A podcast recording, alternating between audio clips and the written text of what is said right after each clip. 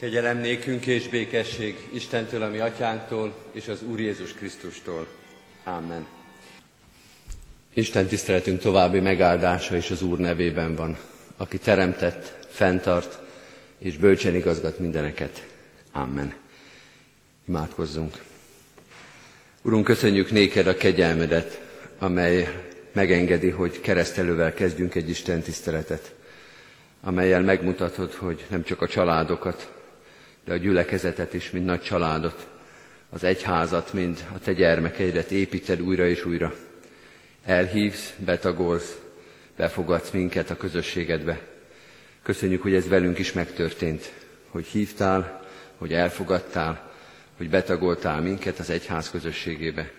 Te tudod, hogy honnan érkeztünk, milyen távolságokról, kilométerben vagy lélekben, nagy messzeségről, és mégis itt lehetünk. Köszönjük a szereteted és a kegyelmed, amely elvezetett minket ide. Bocsáss meg, hogy oly sokszor nem hallottuk a hívó szabadat, hogy hívtál, szóltál, és mi másfelé indultunk, hogy nem az volt fontos, amit te mondtál, hogy mást választottunk helyetted. Annyi minden van az életünkben, amely méltatlanság és lázadás veled szembe. Köszönjük, hogy mégis itt lehetünk, mert a kegyelmed, a szereteted nagyobb, mint a mi bűnünk és méltatlanságunk. Elfedezi, megbocsátja, feloldja mindazt, ami bennünk méltatlan, tisztátalan, ami hazug és lázadás. Szólj most hozzánk ezzel a megtisztító, felemelő szóval. Szólj hozzánk, hogy az életünk a Te igéd világosságában, fényében tisztább és szentebb lehessen. Taníts minket az utaidra. Mutasd meg, mi az, amit elkészítettél számunkra, és mi az, amit elvársz tőlünk. Így kérünk, árasz kiránk lelkedet, amely nem csak megtisztít, hanem bölcsé, tisztán látóvá teheti az egyébként oly vaké és ostoba embert. Tégy minket bölcsé, hogy a Te ismereted, az Isten félelme jelentse mindig az első lépést az életünkbe. Így kérünk, áldj meg minket, szólj hozzánk és taníts minket Jézus Krisztusért, ami Urunkért. Amen. Kedves testvérek, Isten igéjét olvasom Pál apostolnak az Efézusiakhoz írott leveléből, az ötödik részből, az ötödik rész 15., 16. és 17. verséből a következőképpen. Jól vigyázzatok tehát, hogyan éltek, ne esztelenül, hanem bölcsen, kihasználva az alkalmas időt, mert az idők gonoszak. Éppen ezért ne legyetek meggondolatlanok, hanem értsétek meg, mi az Úr akarata. Eddig Istennek írott igéje, fogaljuk el a helyünket.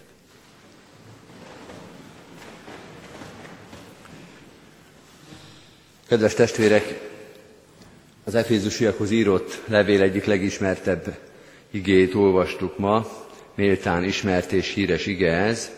Három dolgot tesz egymás mellé, amelyek külön-külön is nagyon fontosak. A bölcsesség, megfontoltság, ez egyik dolog, az idő, ez a másik, és az Isten akarata a harmadik. Három olyan fontos dolog, amelyet külön-külön is fontos ismerni, de nem véletlen, hogy ebben az igében, ebben a híres textusban egymás mellé kerül ez a három dolog. De nem csak, hogy három fontos dolog van ebben az igében, hanem különleges, talán meghökkentő megfogalmazással a Szentíró mégis alá is húzza ezt az igét, mint a régi Károli fordításban, vastag betűvel kiszedi, egyébként ott nincs is kiszedve, szerintem kár volt, érdemes lenne ezt kívülről megtanulni mindig ezt az igét.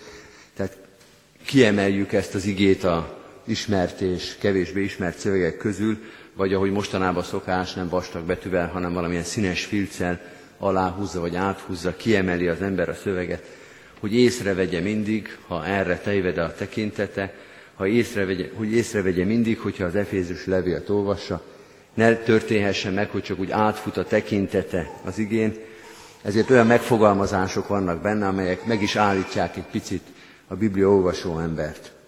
Áron is megvegyétek az alkalmakat, így fordítja a Károli szöveg ezt a verset, kihasználva az alkalmas időt. Áron is megvéve az alkalmakat. Vagy ami talán még meghökkentőbb, azt mondja, az idők gonoszak. Miért gonosz az idő? Mit kell ez alatt érteni? Érdemes megállni ezeknél a meghökkentő megfogalmazásoknál, hogy az, amit el van rejtve, amit itt meg lehet érteni, az nyilvánvalóvá váljék számunkra. Rakjuk hát sorba ezt a három fogalmat, a bölcsességet, az időt és az Isten akaratát, és kérdésről kérdésre menetelve, befelé haladva az igében próbáljuk megérteni, miért és milyen értelembe teszi egymás mellé ezt a három dolgot az Efézusi levél. Az idő. Először az időre kell egy pillantást tekintenünk, egy rövid ideig ezzel fogunk foglalkozni. Zárójelbe jegyzem meg, hogy azért is érdekes ez, mert az idő fölött, az időtlenségben uralkodó Isten beszél az idői, az időben élő, az idő koordinátái közé szorított emberhez, vagyis azt mondja ezzel az ige, hogy most ez rólunk szól ez az ige, de a mostani korszakunkra vonatkozik csak, nem az örökké valóságra. Eljön majd az idő, amikor ránk sem fog már vonatkozni, ez az idő és alkalom kérdése. Lesz majd alkalom, lesz majd idő, lesz majd egység, amikor az idő már nem korlátoz minket, de most még itt vagyunk.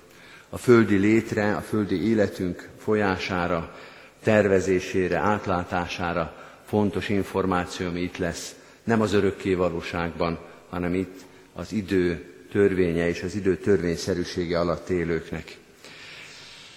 Az időről van tehát szó, hosszasan lehetne fejtegetni, hogy a Biblia mikor mit ért az idő alatt, csak két olyan fogalmat szeretnék megemlíteni, amit a mi magyar nyelvünk is megkülönböztet. Azt az időt, amely végtelen, mint a tenger, és azt az időt, a görög ezt úgy fordítja, hogy kairos, azt az időt, aminek eleje és vége van. Az idő, mint egy végtelen óceán, és az idő, a magyar nyelv így mondja, alkalom, amely kezdődik és befejeződik. Ezt a két dolgot kell tisztán látni, hogy az Efézusi levél gondolatát megértsük. Az idő az alkalom értelemben olyan, mint a tenger alatt járó, kiemelkedik, a nagy óceánból, a végtelen nagy tengerből elkezdődik, és egyszer csak alámerül. A jelenlétének, a láthatóságának, a megfoghatóságának van kezdete és vége. Olyan az alkalom, mondja az Efézusi levélnek ez a gondolata, hogy ez a idő fogalma, mint a tenger alatt járóból kibukkanó orc, óce, vagy a tengerből kibukkanó tenger alatt járó, egyszer csak megjelenik, és egy ideig itt van, egy ideig működik, és aztán eltűnik a szemünk elől. Vagy hogy egy másik képet használjak, olyan, mint amikor megyünk a sineken, megyünk és nézzünk előre a egymásba futó simpárokon végig, és egyszer csak meglátjuk, hogy jön szembe a vonat. És az ember tudja, hogy le kell lépni a sinekről, mert egyszer csak elérkezik ide a mozdony, elérkezik ide a vonat.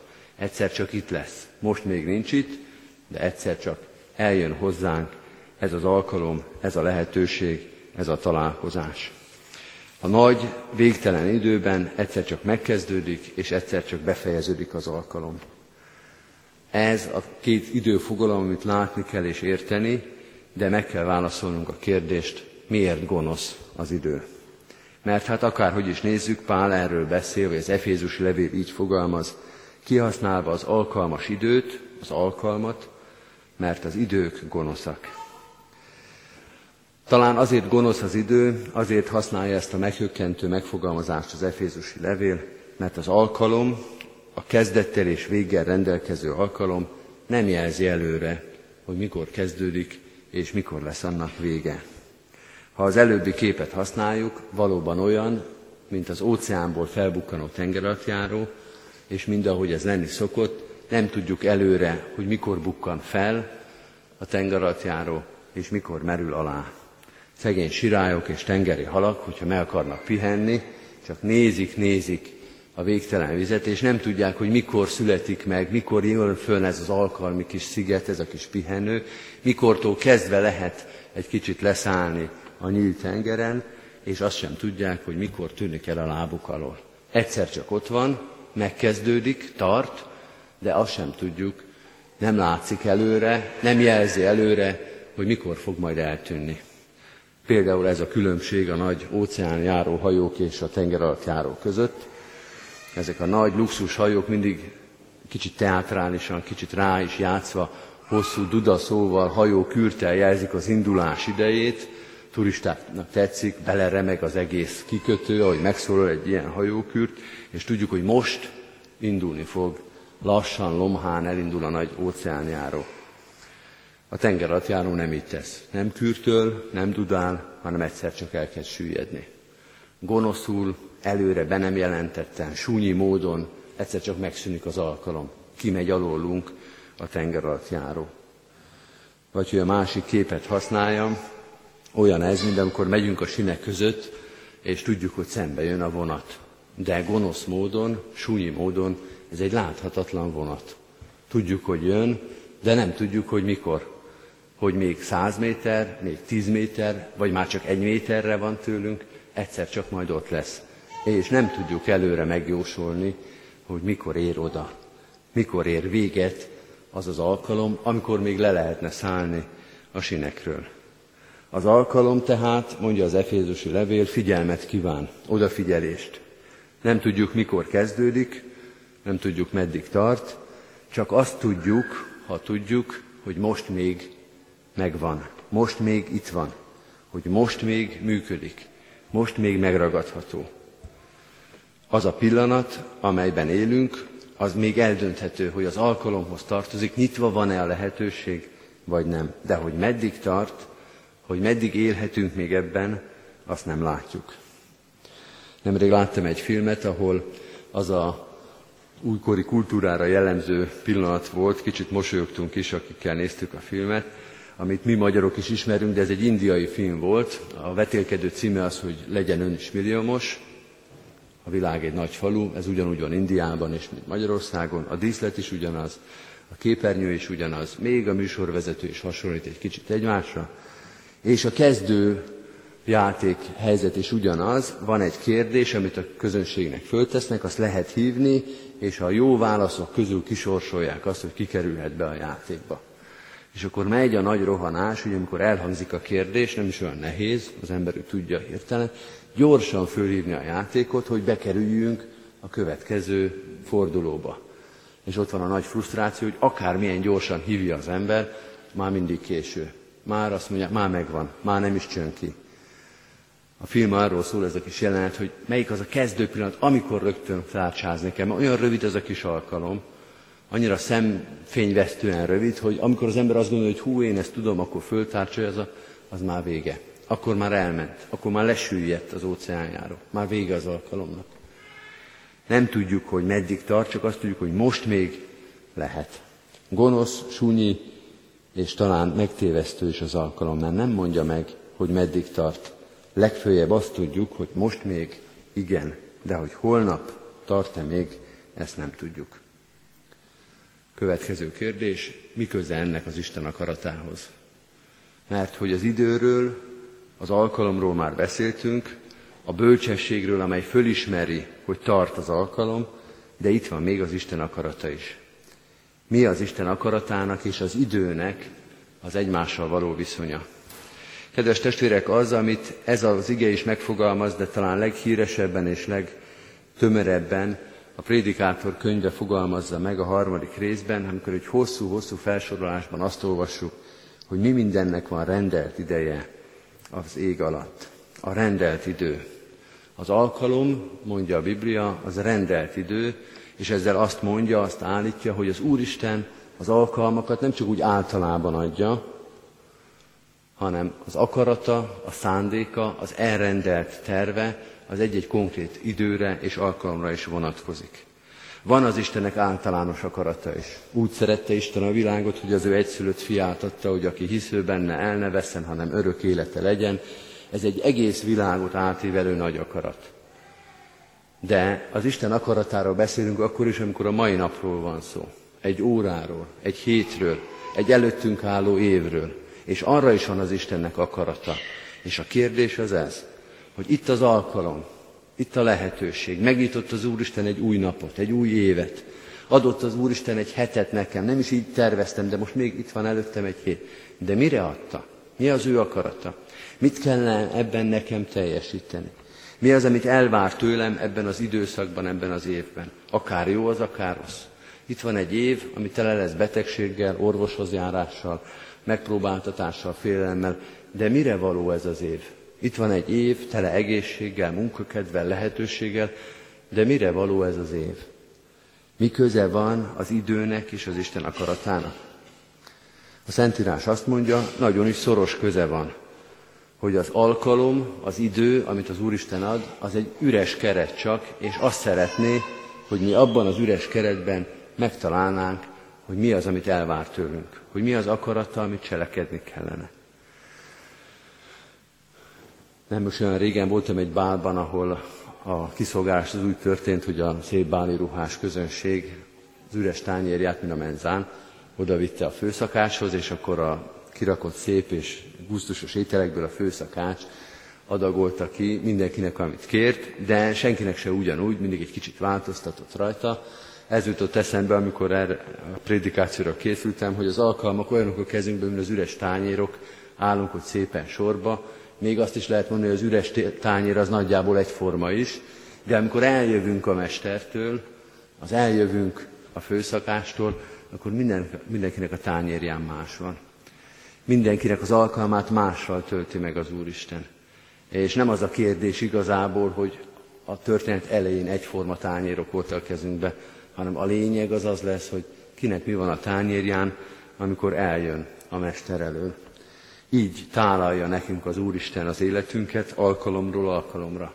Megnyitott lehetőségről, megnyitott lehetőségre. Üres tányérokat kapunk, és ő azt kívánja, hogy az megteljen tartalommal, ő szerinte való, az ő igéjével megegyező alkalommal. És hát így jön a következő, talán az utolsó kérdés, hogy mi az Isten akarata. Mert azt mondjuk, hogy az alkalmakat az ő akaratával kell megtölteni, de hát mi az az akarat, amivel a következő napot, hetet vagy évet meg kell töltenem?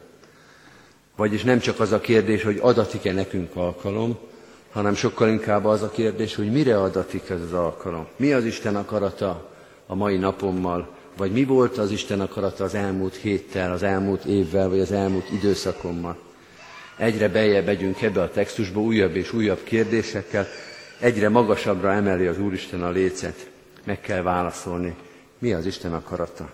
Honnan fogom én azt tudni egy napra, egy hétre, egy évre lebontva, hogy mit akar tőlem az Úristen? Ige ismeretet és Isten ismeretet vár el az Efézusi levél. Azt mondja, hogy a kereszténység az tulajdonképpen olyan, mint egy szakma. Kell egy általános ismeretnek lenni, hogy körülbelül mi az, amit az Isten elvár.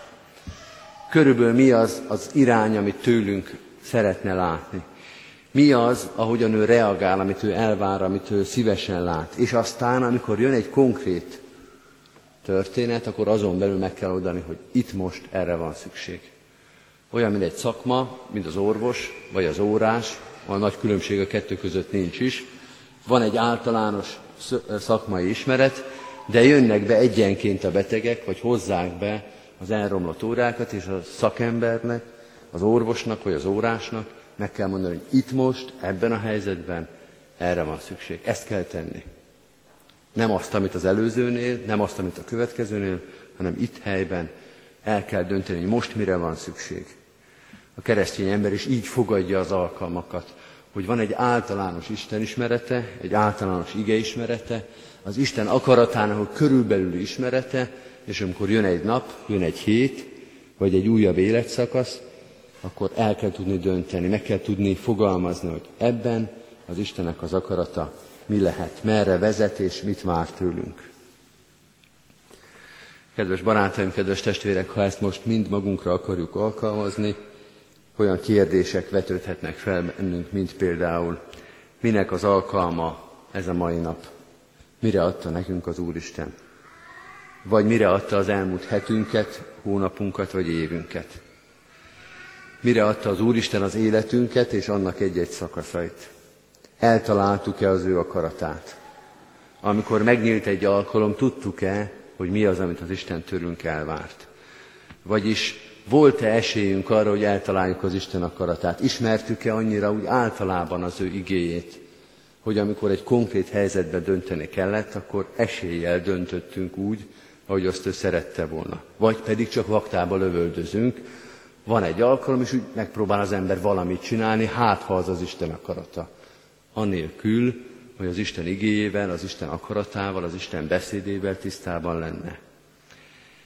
Érdekes kérdés, hogy vajon amikor megnyílik egy alkalom, ez is kérdés, akkor csak egy akarata van-e az Úristennek, hogy csak azt kell eltalálni, és semmi más nem jó. Vagy pedig egy bizonyos határon belül az Úristen több dolgot is tekinthet az ő akaratának. Azt mondja, hogy mindent nem lehet, de ezen az alkalmon, ezen a napon, ebben az évben, ebben a szakaszban ezt is, ezt is, ezt is választhatod. Nem kell mindet csinálni, de ezek közül bármelyiket, hogyha választod, akkor én azt megáldom és megerősítem, mind az én akaratomat. Tehát van egy többes jelölés az Úristen akaratában, vagy mindig csak egyet lehet eltalálni, és az összes többi az tévedés. Azt gondolom egyébként, hogy az Úristen sokszor nagyon megengedő, és sok mindent megenged. Nem mindent, de bizonyos határokon belül sok mindenből választhatjuk az ő akaratát. Aztán ez is kérdés, volt-e erőm az Isten akaratának a cselekvéséhez? Mert kedves testvérek, nem csak az a nagy kérdés, hogy tudjuk-e, hogy mi az Isten akarata, hanem amikor tudjuk, akkor tudjuk-e cselekedni. Pál a rómaiakhoz írt levél 7. részében ír arról, hogy milyen nehéz az, amikor tudom, hogy mi az Isten akarata, és mégsem sikerül. Nincs hozzá erőm, nincs hozzá kedvem, nincs hozzá indításom, hogy mégis megcselekedjem, hogy lemondjak valamiről, hogy elvállaljak valamit. Tehát van-e erő a már megismert és tisztán látott akarat, isteni akarat cselekvéséhez? Volt-e segítségem ebben?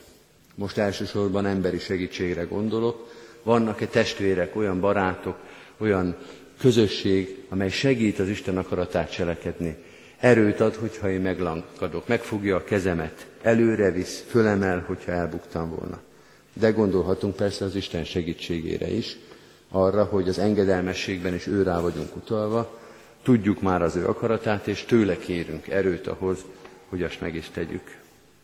Ezek a kérdések, és még sokáig lehetne folytatni, mind ugyanarról beszélnek, hogy a keresztény hit az figyelemmel és bölcsességgel jár. Azt követeli.